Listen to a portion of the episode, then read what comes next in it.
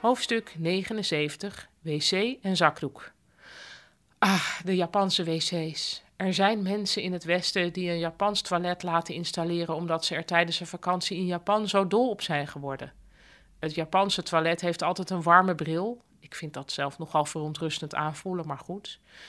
Daarnaast zit er in de Japanse wc een sproeiertje waarmee je jezelf van onderen kunt schoonspoelen. Dat sproeiertje komt alleen tevoorschijn als je op de bril zit en de juiste knop op een kastje aan de muur indrukt. Dat maakt het sproeiertje tot een mysterieuze aanwezigheid. Ik vind het zelf moeilijk om mezelf over te geven aan een apparaat dat ik nooit zie.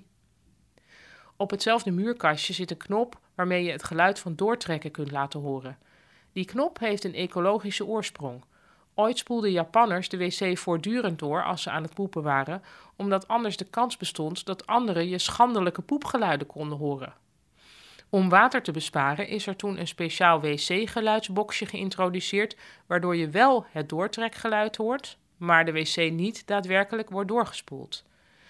Het enige probleem is dat je natuurlijk hoort dat er niet echt wordt doorgespoeld. Stel je zit op een openbaar toilet en iemand in het hokje naast je maakt langdurig gebruik van het doortrekgeluid, dan denk je automatisch dat moet wel een heel heftige drol zijn.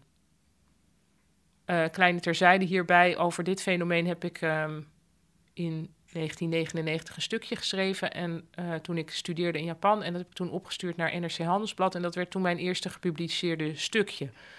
Dus um, toen bedacht ik van, hé, hey, dat schrijven, dat is uh, misschien wel wat. En heb ik nog een terzijde. Bijna iedere Japanse heeft een stoffen zakdoek bij zich. Die gebruikt zij om haar handen aan af te drogen.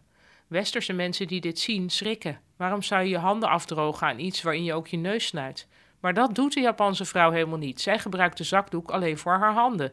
Zij schrikt op haar beurt als een westerling met een zakdoek bezig ziet. Waarom zou je je neus snuiten in iets waar je ook je handen aan afdroogt? En nog iets over die neuzen. In Japan hoor je je neus niet te snuiten waar anderen bij zijn. Voorzichtig ophalen dus. Je neus snuiten doe je alleen in totale afzondering. En als iemand niest, hoor je dat met z'n allen beleefd te negeren. Mijn goede vriendin Emmy uit, uh, uit Japan, die had als tiener al in, uh, in Amerika een jaar doorgebracht op een uitwisseling. En die had zich dus heel goed aangeleerd op, om westers te zijn wat betreft niezen. Dus altijd als, als, je, uh, als er iemand nieste, dan zei zij meteen bless you als allereerste, omdat ze wist van dit hoor je te zeggen.